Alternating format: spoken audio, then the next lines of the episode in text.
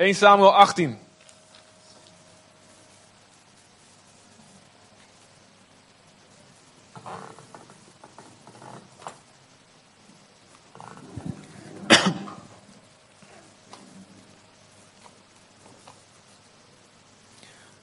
Het is uh, komkommertijd in, uh, in het land en in de media, maar niet in de gemeente van God. Amen. Komkommertijd, wat is dat? Dat is zeg maar, dan hebben de media niks te vertellen en dan zie je op het journaal uh, reportages over ja, de Schotse hooglanders die een beetje meer gras hebben gekregen en dat soort reportages. Dan weten ze niet waar het nieuws mee moeten vullen, omdat iedereen op vakantie is. Maar God gaat niet op vakantie. Amen. Dus ik heb een goed woord voor jullie. Waarvan ik geloof dat het ontzettend belangrijk is voor de gemeente.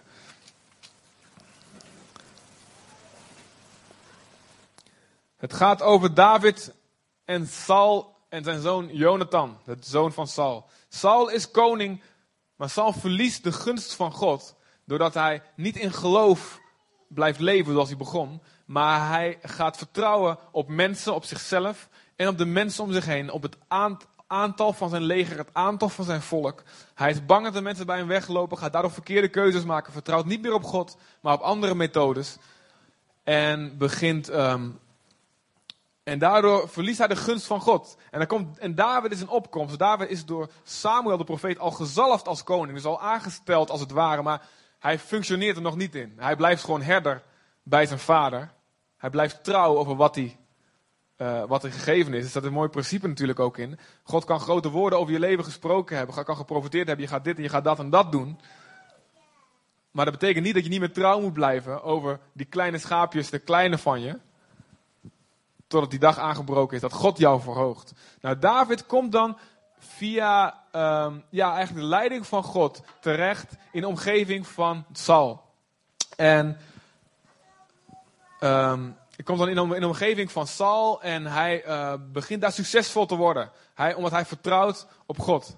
Hij vertrouwt niet op menselijke kracht, maar hij vertrouwt op wat de geest van God door hem heen kan doen. En wat er gebeurt is, hij, hij begint veldslagen te winnen. Hij, heeft, hij knikkert Goliath neer, zoals het verhaal was jullie denk ik wel kennen. En dan hebben we daar Jonathan, de zoon van Saul, dus de kroonprins, de Willem-Alexander van Israël op dat moment die, um, er staat nog niks over, zijn maxima, maar hij is kroonprins en hij vecht mee in het leger. En uh, wat er gebeurt, is, is Jonathan die, um, nee, ik zal eerst het verhaal vertellen, wat hier staat. Vanaf vers 1, Jonathan, die bij dit gesprek aanwezig was, het gesprek tussen Saul en David, voelde zich meteen sterk tot David aangetrokken. Let op, geen romantische aantrekkingskracht. Sommige van onze uh, beelden van, van, in onze gedachten zijn zo vervuild dat we meteen denken, nou, het zou wel een uh, homoseksuele relatie zijn of wat dan ook. Hij was één geest met hem. Amen. Dank je, Ari. Um, en dan staat er vatten een innige vriendschap met hem op. Um, ik heb ook vrienden waarmee ik gewoon hand in hand loop en arm in arm zit. En ik geef ze een dikke kus. En uh, ik ben echt gelukkig getrouwd. Dus dat is heel uh, gezond, denk ik, voor mannen en voor vrouwen onderling. Om gewoon, uh, ja, echt zo'n innige vriendschap te hebben. En als het ware tot, aan, tot elkaar aangetrokken voelen. In een vriendschap, vriendschappelijke manier. Jonathan de kroonprins ziet dus het succes van David. Hij begint van hem te houden. En hij vat een innige vriendschap met hem op. Voor hem op. En Saul nam David vanaf die dag bij zich. En liet hem niet meer teruggaan naar zijn ouderlijk huis. En Jonathan, die David zo lief had als zijn eigen leven, sloot vriendschap met hem. Hij deed zijn mantel af en gaf die aan David. Dat betekent heel veel. Dat betekent heel veel. Hij deed zijn mantel af, zijn koninklijke mantel af. Ik ben net jaren geweest, maar ze hebben het goed onthouden. Hij deed zijn mantel af en gaf die aan David. Hij zag David niet als een bedreiging voor zijn toekomstige koningschap. Maar hij gaf zelfs een mantel aan hem. En een innige vriendschap had hij. Sloot hij met hem. Ook gaf hij hem zijn uitrusting, tot en met zijn zwaard, zijn boog en zijn koppelriem. En alle veldtochten die David in opdracht van Saul ondernam, bracht hij tot een goed einde. Daarom benoemde Saul hem tot legeraanvoerder met instemming van de soldaten en van de hovelingen. En bij de intocht van het leger, toen David terugkeerde van zijn overwinning op de Filistijn, liepen in alle steden van Israël de vrouwen zingend en dansend uit om koning Saul feestelijk in te halen met muziek van tamboerijnen en rinkelbellen. Niet die van Peter Pan, dat is een uh, tinkelbel is dat. Rinkelbellen. Opgetogen zongen ze. Let op, Saul versloeg zijn, ze bij duizenden en David bij tienduizenden. Ouch. Wie voelt de pijn? Wie voelt het mes snijden? Ouch. Saul ergerde zich aan dit lied en werd woedend. David geven ze er tienduizenden en mij maar duizenden. Nog even en ze geven hem het koningschap. Vanaf die dag begon Saul David te wantrouwen. De volgende dag werd Saul opnieuw overmand door een kwade geest van God. Hé, hey, een kwade geest van God? Dat is apart. Het staat, er, het staat er wel echt zo in het Hebreeuws, maar wat het betekent, um, ja, dat kan ik nou niet uitgebreid uitleggen. Maar kort gezegd, God heeft uh, toegelaten, doordat Saul zo hardnekkig was in zijn zonde, dat heeft hij, eh, ja, op een gegeven moment, als je zelf ongehoorzaam bent, stap je buiten de bescherming die God wil geven. En ben je vatbaar voor de aanval van de boze. En dat is wat er met Saul al aan het gebeuren was op dat moment.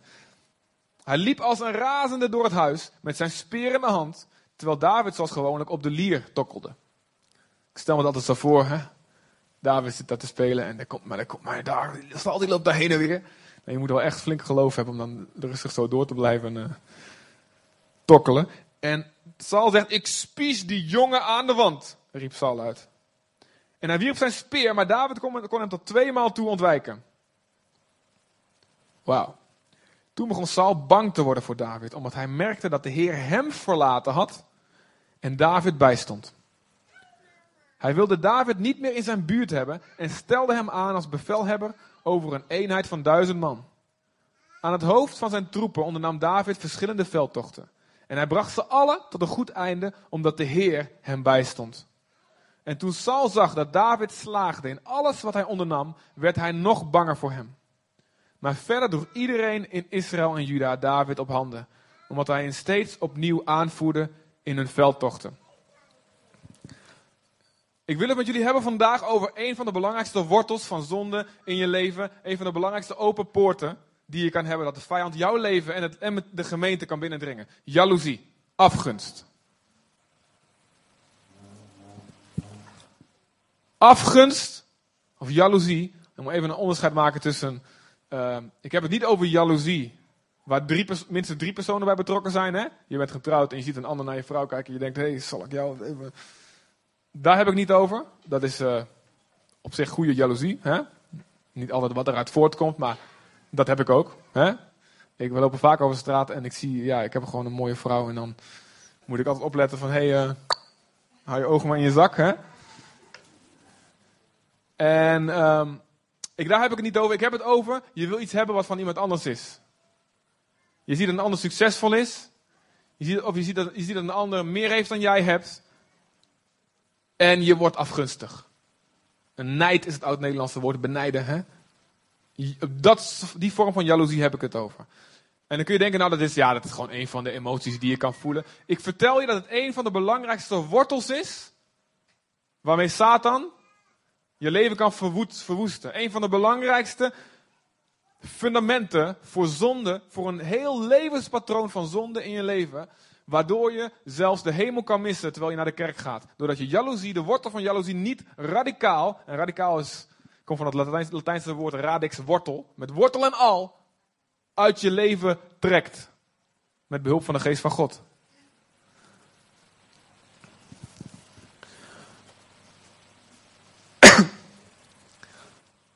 Jaloezie komt wanneer je andere mensen hebt die in, in een vergelijkbare positie zitten als jij voor, voor jezelf. Dat denk je, je denkt, oh, die persoon, daar kan ik mezelf een beetje mee vergelijken. En die hebben het beter dan jij. En daardoor ga jij je slecht voelen. Of, andersom geldt ook, en dat is de andere kant, is leedvermaak. Het spiegelbeeld van jaloezie. Anderen, met wie je jezelf vergelijkt, die hebben het slechter dan jij. Of daar gebeurt iets slechts mee. En van binnen denk je, haha, goed zo. Je gaat jezelf beter van voelen. Het zijn twee kanten van één medaille. En ze hebben een psychologische studies gedaan. En er staat dat mensen met een laag zelfbeeld hebben vaker gedachten van leedvermaak. En dus daarmee ook jaloezie. Dan mensen met een hoog zelfbeeld. Dus mensen die uh, op zich uh, denken van nou, ik mag er zijn, ik mag er wezen. En in de Bijbel zouden we zeggen, ik ben, je bent geworteld en gegrond in de liefde van God. Je weet wie je bent in Christus. Je weet wat je identiteit is. Je weet waarvoor God je geroepen heeft. En je bent gewoon te gelukkig met jezelf. Je bent gelukkig met wat God je gegeven heeft. Die mensen hebben minder last van jaloezie of leedvermaak. Dan mensen die eigenlijk zichzelf zo onzeker voelen. En die, denk, en die, die, die ontevreden zijn eigenlijk met zichzelf. Een laag zelfbeeld hebben. Die zullen vaker last van jaloezie of leedvermaak hebben. Nou let op, een laag zelfbeeld hebben is geen zonde. Het is geen zonde om onzeker te zijn. Het is geen zonde, zoals Saul zich voelde. Wauw. Ben ik wel goed bezig? Of ah, volgens mij ben ik niet zo'n goede koning. Maar het is wel een enorm groot gevaar om te gaan zondigen. Het grote verschil is, wat doe je met die onzekerheid? Wat doe je met dat lage zelfbeeld? Wat doe je met dat negatieve gevoel wat je hebt van binnen? Ga je ermee naar God toe? Of ga je zelf het heft in eigen hand nemen om jezelf beter te laten voelen? Denk even met mij aan het verhaal van Kain en Abel. Kain en Abel, twee broers, de eerste broers van de wereld, maakten elkaar meteen af. Nou, niet elkaar, de een maakte de ander af, de ander niet de, een. Want die kon, nee, dat kan niet, ja. Jij hebt mij vermoord, dan doe ik het ook bij jou ook, dat kan niet. Um, Kain zag dat het offer van Abel werd aanvaard. Die rook die steeg rechtop. Daar heb ik altijd de kinderbijbel nog een plaatje voor me. En die rook van, eh, van het offer en de, rook van Kain die ging, er, ging weg. Maar die rook van Abel die ging zo recht naar de Heer. En wat gebeurde er? Kain werd boos. En er komt op een gegeven moment God zelfs nog met hem spreken voordat hij die moord pleegt. En hij zegt, waarom is je gezicht zo betrokken? Let op. Want de zonde ligt als een belager aan je deur. Zijn begeerte gaat naar je uit. En hij wil je overheersen. Op het moment dat er iets in ons gebeurt, een onzekerheid. En op het moment dat we overmand worden, misschien door gevoelens van jaloezie of van leedvermaak, komt God altijd, de Heilige Geest altijd, via ons geweten, via onze geest, via onze gedachten, komt hij je waarschuwen. Zeg, let op, je bent nu enorm kwetsbaar als je nu doorgaat in deze gedachten, zul je een oordeel over jezelf halen en zul je vernietiging brengen. De zonde ligt als een belager aan je deur. Zijn begeerte gaat naar je uit. Ik heb een keer een preek gehoord van een vriend van me. En hij zei, er is iemand verliefd op je. En iedereen, ja, Jezus. Ja, Jezus ook. Maar nog iemand. De zonde. Zijn begeerte gaat naar je uit. De zonde is verliefd op jou. Schrijf liefdesbrieven. Schiet pijltjes van Cupido in je hart en alles. Kain luisterde er niet naar, maar ging door vermoorden zijn broer. Uit jaloezie, uit deze vorm van jaloezie, van afgunst, komen moordpartijen voor. Kijk eens, we beginnen, kijk eens naar de Bijbel. Kain en Abel heb ik het over gehad. Jozef werd bevoorrecht door zijn vader. Was niet zo slim van zijn vader. En ik zeg je ouders, heb geen lievelingetjes. Oké? Ook al gedraagt de een zich beter dan de andere, laat ze allemaal weten dat je evenveel van ze houdt. Je moet ze niet allemaal hetzelfde behandelen. Ieder kind moet je behandelen volgens de eis van zijn weg. Maar wat dan ook, communiceer aan al je kinderen. Jullie zijn me allemaal even lief. Niet altijd wat je doet, maar wie je bent. Jullie zijn allemaal me evenveel waard. En dit is niet zo vanzelfsprekend. Ik ken heel veel situaties waarin er heel veel misgegaan is, omdat ouders dit gedaan hebben. Dus ouders, wees wijs. De broers van Jozef werden afgunstigd, gooiden hem in de put, verkochten hem als slaaf. Wilden hem eigenlijk vermoorden, maar dachten we kunnen er nog geld aan verdienen.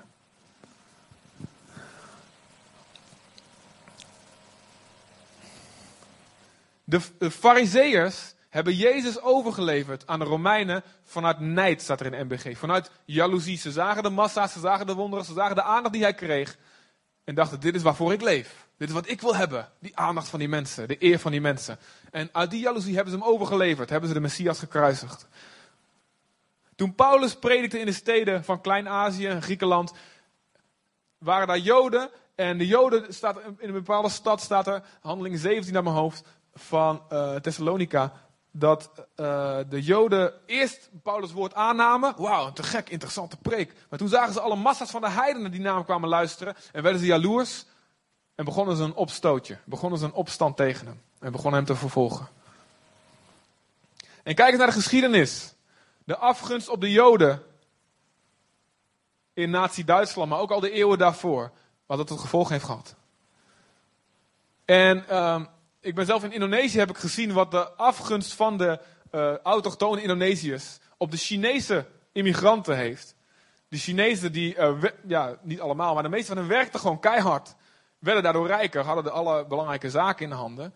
En de afgunst van de mensen die dat niet hadden, um, leidde ertoe dat ze uh, de boel in de fik zetten, plunderen. en een enorme druk is op de Chinezen, een vervolging is ge gekomen. En door de geschiedenis heen, hoe vaak je ook kijkt, je ziet dat de rol die afgunst speelt. Dat het niet zomaar een onschuldig gevoel is van ja, dat hoort erbij. Maar het leidt tot moord. En het leidt ervoor dat veel mensen met een schijn van godsdienst misschien toch de hemel mislopen en voor eeuwig oordeel binnenstappen. Afgunst is een wortel waarmee je radicaal moet afrekenen.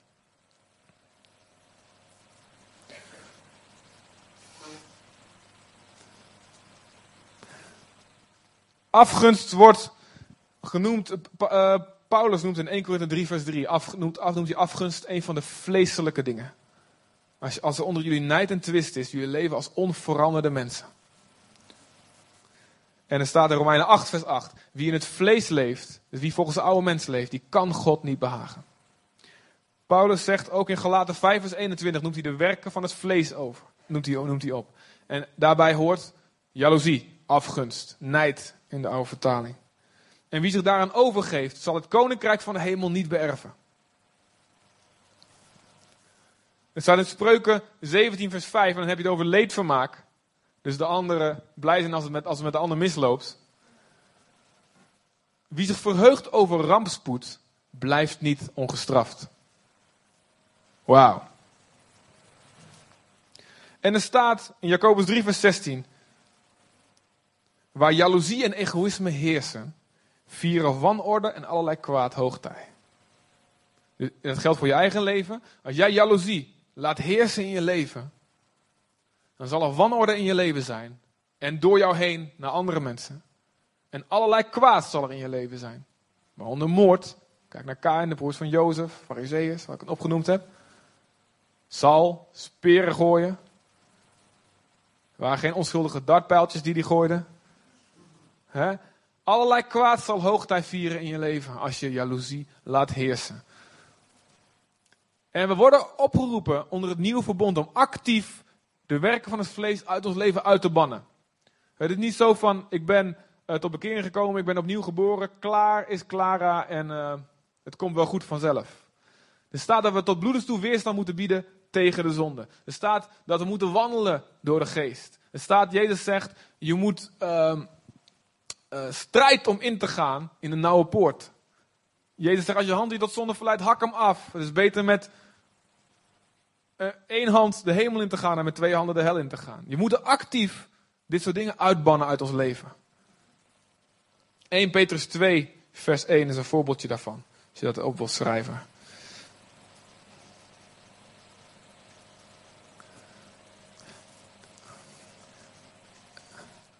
Ik zal iets vertellen.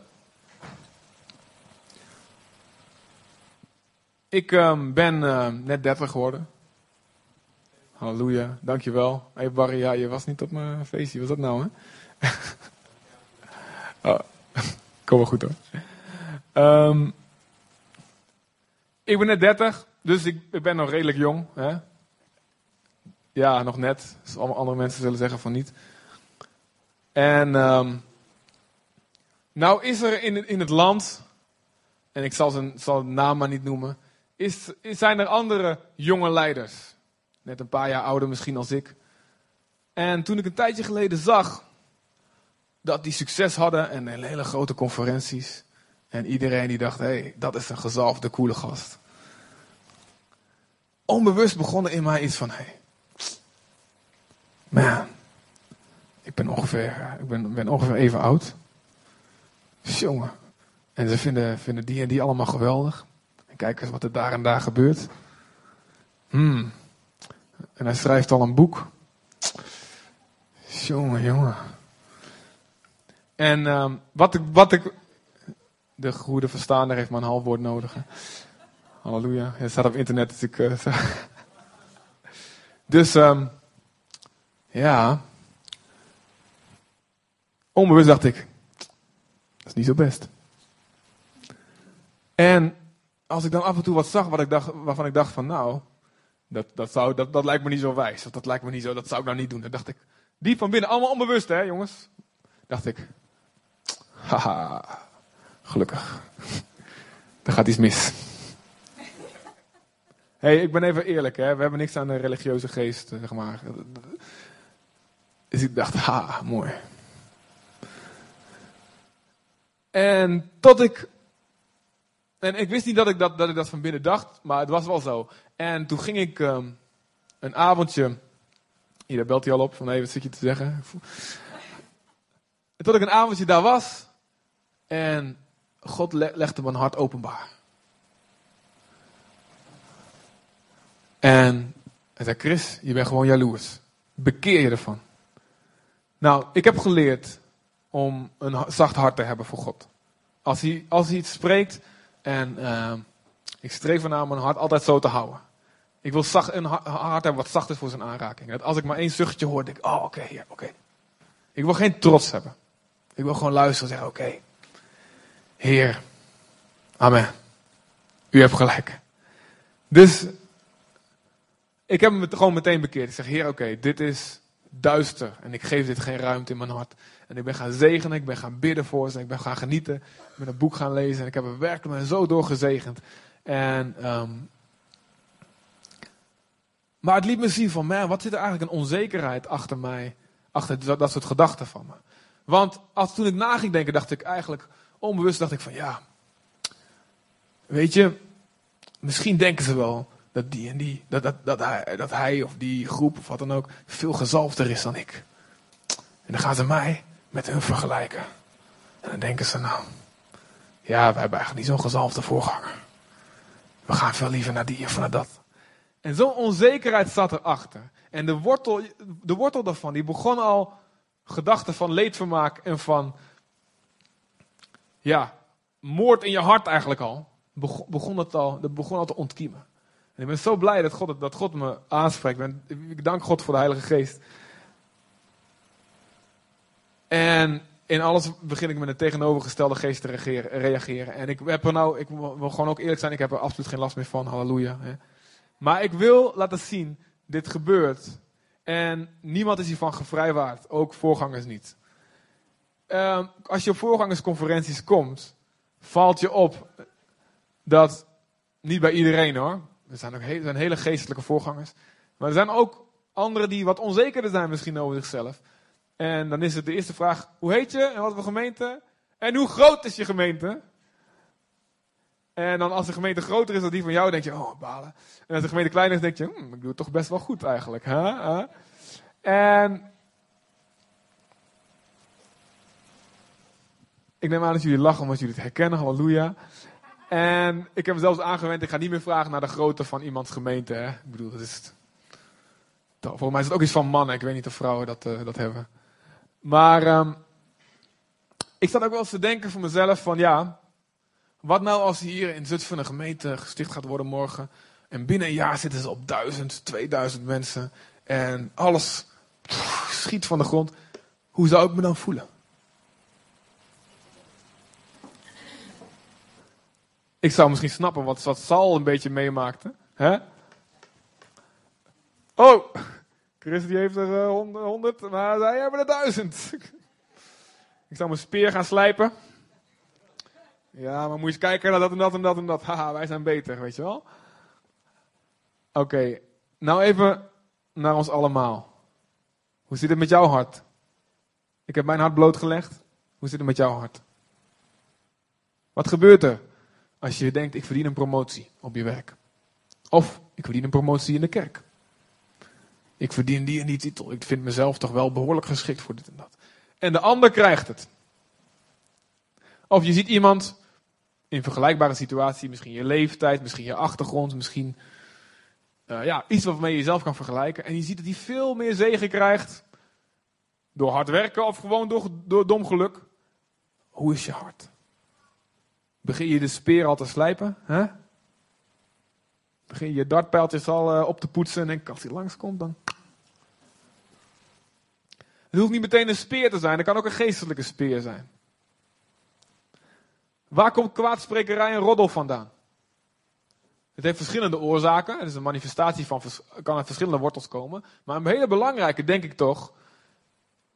Je gaat je beter voelen door een ander naar beneden te halen. Je ontdekt iets bij iemand anders. Een zwakheid of een fout. En je voelt jezelf niet zo lekker of onzeker. Of je bent niet zo zeker van de liefde van God. Je bent niet zo geworteld en gegrond in de liefde van God. En je denkt, je denkt jezelf van, ik zie, je ziet je eigen fouten. En is het toch leuk om het te hebben over de fouten van anderen, of niet? Waarom is uh, Albert Verlinde, hoe heet het ook weer? Privé, boulevard, ja, eh, boulevard, RTL Boulevard, shownieuws, uh, dat soort dingen. Waarom is het zo populair? Jongens, ik zeg niet dat het zonde is hier naar te kijken. Hè? Dat is geen zonde. Wat voor hart zit erachter? Waarom is het zo fijn om te horen dat de sterren, de grote sterren, ook problemen hebben? Omdat we misschien heel vaak jaloers zijn van ze zijn zo rijk en zo getalenteerd en ze hebben iets wat ik eigenlijk ook wil hebben. Haha, gelukkig gaat er iets mis met ze. Ha, ze zijn toch ook gewoon mens. Die en die hebben alles al goed voor elkaar. Oh, nou hoor ik dat het huwelijk van die, die ster uit elkaar gaat. Ha, gelukkig. Hallo, wordt er iemand wakker? Ik herken die wortel. Hè? Nogmaals, het is geen zonde je onzeker te voelen. Het is geen zonde om een laag zelfbeeld te hebben. Maar ik vertel je wel, het is heel belangrijk hoe je het oplost. Naar wie je toevlucht, naar wat je toevlucht. En zonder toestaan is als een bres in je muur hebben. Als een verdedigingsmuur en er zit een groot gat in. De vijand kan elk moment binnenkomen als hij aanvalt. Je hebt een gat in je muur. En ik vertel je, het is een gat in de gemeente. Zoals ik een paar keer al gezegd heb. De slang werd vervloekt. En zijn vloek was, je zal eten van het stof. Wij zijn gemaakt van stof. Dus de slang eet van ons, onze menselijke natuur. Waar wij ons vlees, onze gevallen menselijke natuur, zonder God, ruimte geven. Dan gaat de slang een barbecue houden. En die wordt dikker en dikker. En de duivel krijgt meer ruimte in jouw leven, maar ook in de gemeente, in je gezin, in al je omstandigheden. En het geldt niet alleen nu, het geldt ook voor de eeuwigheid. Je komt er ook onder een oordeel van. En we moeten dus actief jaloezie uitbannen uit ons leven. Wat deed Jonathan? Een paar hoofdstukken verder, 1 Samuel 23.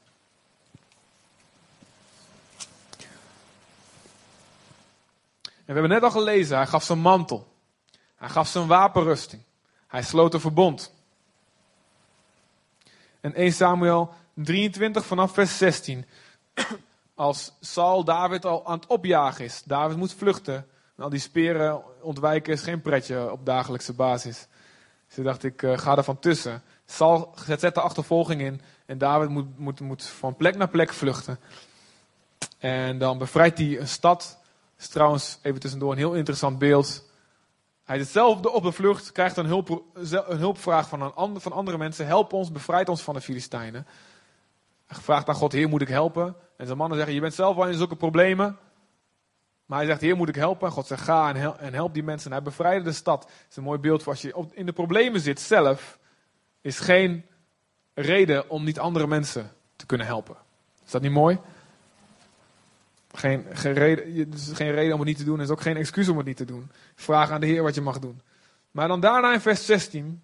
Dit was even een bonus. Bonuspreek. Um, even vanaf vers 14. David en zijn mannen verschansten zich in rotsholen in de met kloven doorsneden woestenij ten oosten van Sif. Heeft niks te maken met wasmiddel. Saul stuurde elke dag verkenners uit om David op te sporen, maar God leverde hem niet aan hem uit. En David, die in Gorissa zat, in de woestijn van Sif, merkte wel dat Saul het nog steeds op zijn leven gemunt had.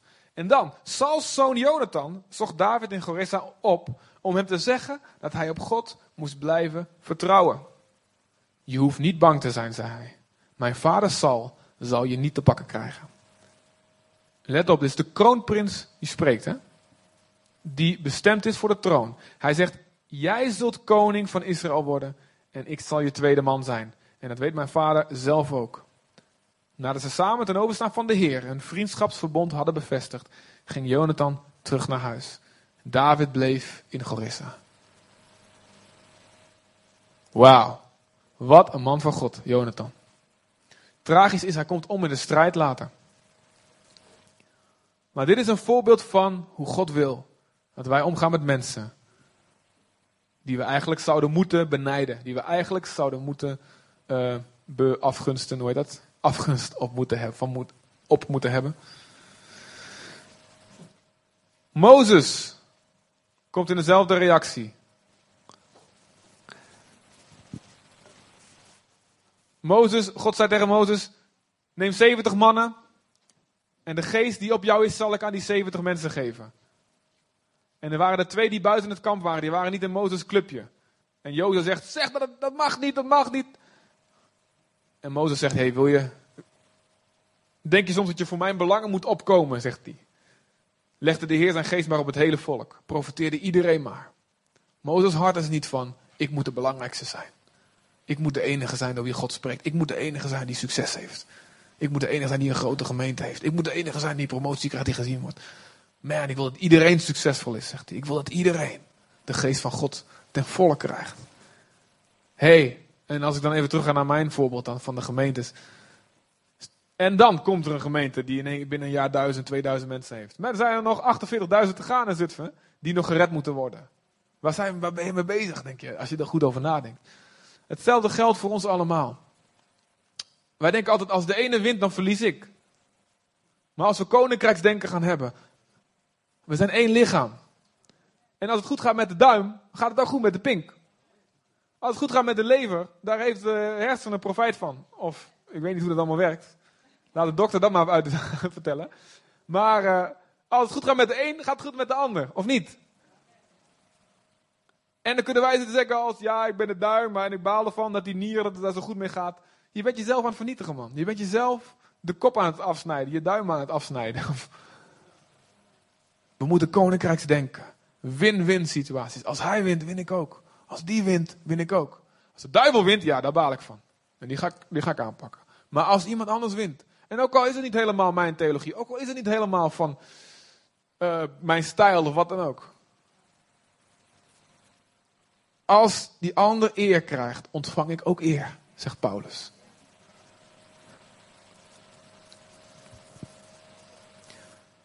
Johannes, de doper. Er kwamen discipelen van Johannes naar hem toe. Johannes, Johannes, Jezus doopt meer discipelen dan jij. Iedereen gaat naar Jezus toe. En ze waren neven van elkaar, dus die broeder neventwist, die had heel sterk kunnen zijn. Hè? En Johannes zegt, joh, ik heb je gezegd, ik ben het niet, ik ben niet de Messias. Hij die naar mij komt is sterker dan ik. Hij moet, in de oude vertaling staat, hij moet wassen groeien. Ik moet minder worden. Jezus moet groeien. Ik moet minder worden. Ik moet toch al aan de kant. Ik zit toch al de hele tijd mijn best te doen. Mezelf aan de kant te zetten. Om minder te worden. Want ik zit het werk van God zo in de weg. Wie weet allemaal. Je oude mensen zitten het werk van God voortdurend in de weg. Dus Heer, gebruik maar de succes van die anderen. Om mij te laten zien dat vlees moet eruit. En ik wil zijn als een Jonathan. Ik wil verbonden sluiten. Ik wil innige vriendschappen sluiten. En ook als het niet letterlijk, maar gewoon in de geest. Met iedereen die succes heeft. Ik wil geen leedvermaak hebben over de val van anderen. Ik wil niet me moeten voeden met het ongeluk van anderen om mezelf beter te voelen. Ik wil zelf zo geworteld en gegrond zijn in de liefde van God. Dat ik niet bedreigd ben door een David en die de 10.000 meer verslaat als ik. Maar dat ik een Jonathan ben en zeg, man, ik geef je mijn mantel. Ik wil je dienen, man. Want ik weet toch, als het goed is, wie ik ben. Ik weet toch waarvoor God me geroepen heeft. Ik weet toch, als ik in de wil van God wandel, dan kan ik kan me niks stuk maken. Maar veel van ons, we gaan speren gooien. Met onze tong, onze gedachten, met onze daden misschien wel. En God zegt, bekeer je hiervan. Ik heb een veel betere oplossing voor jouw onzekerheid. Ik heb een veel betere oplossing voor jouw lage zelfbeeld. En geniet van elkaar. Het staat in 1 Johannes 4, vers 20, 21. Er staat, als je niet van mensen houdt, hoe kun je, die je ziet, die je voor je ogen hebt, hoe kun je dan van God houden? En als je, je zegt dat je van God houdt, maar je houdt niet van de mensen die je voor je ziet, dan ben je een leugenaar. Bang! Leugenaar. Als jij je niet kan verheugen in het succes van anderen, als jij niet kan genieten van een ander die, waar het goed mee gaat, hoe kun je dan genieten als het goed gaat met God? Hè? Er staat in Efeze 4, en dat staat niet in de Nederlandse vertaling, maar in de Amplified Bible staat het, als er staat wandel in de liefde, er staat in de Amplified Bible achter in die haakjes, dat vind ik zo mooi. Delight yourself in one another. Verblijd jezelf in elkaar. Dus dat gewoon genieten van elkaar, blijdschap vinden van de ander. Als ik kijk naar hem, dat ik gewoon zeg: Wauw, kijk man, het zit goed in elkaar, weet je. Oh, ik ben zo blij met die sterke, goede baard groeien, dat het allemaal gezond is. Je bent zo'n lieve kerel. Verblijd jezelf in elkaar. Geniet van elkaar. Met fouten en al. Wacht niet met genieten tot hij perfect is.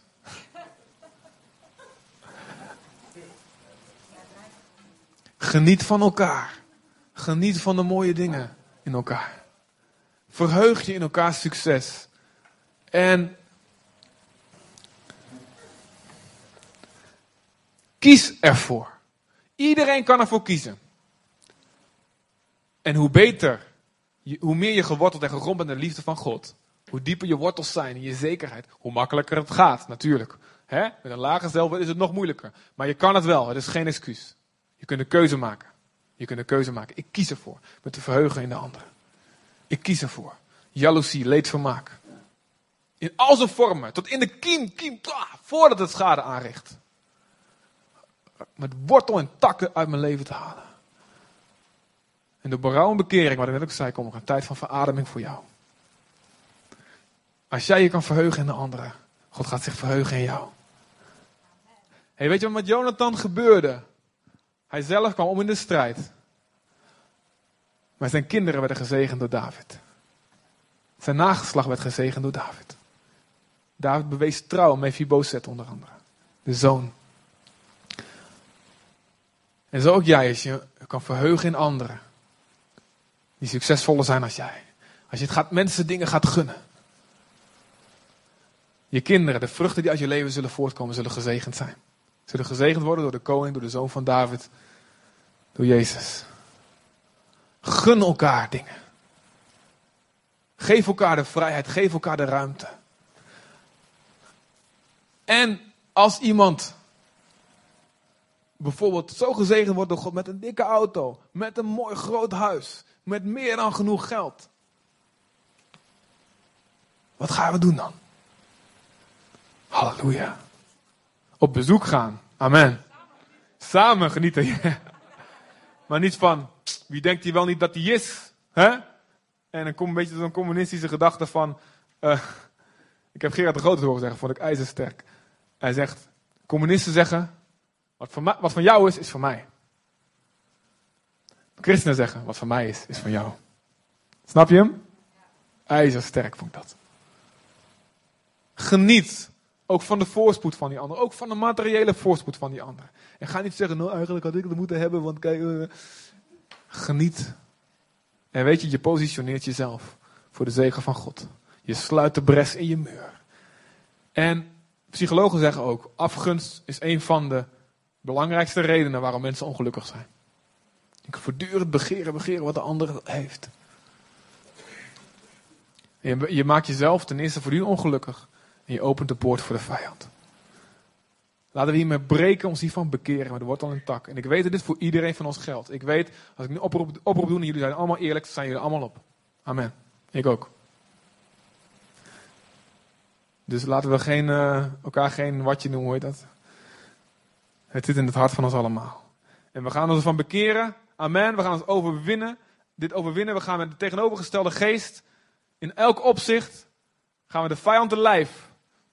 En als we de vijand te lijf gaan, als we zonde en ongerechtigheid en duisternis in de stad, in, in je familie, in je omgeving, in het land, in de wereld willen gaan bestrijden, we zijn, ons hart zelf dan vrij daarvan. Dan zijn we niet vatbaar. Voor datgene wat we, bestrijden. Amen. God gaat ons overwinning geven. Ga opstaan alsjeblieft. Met mij.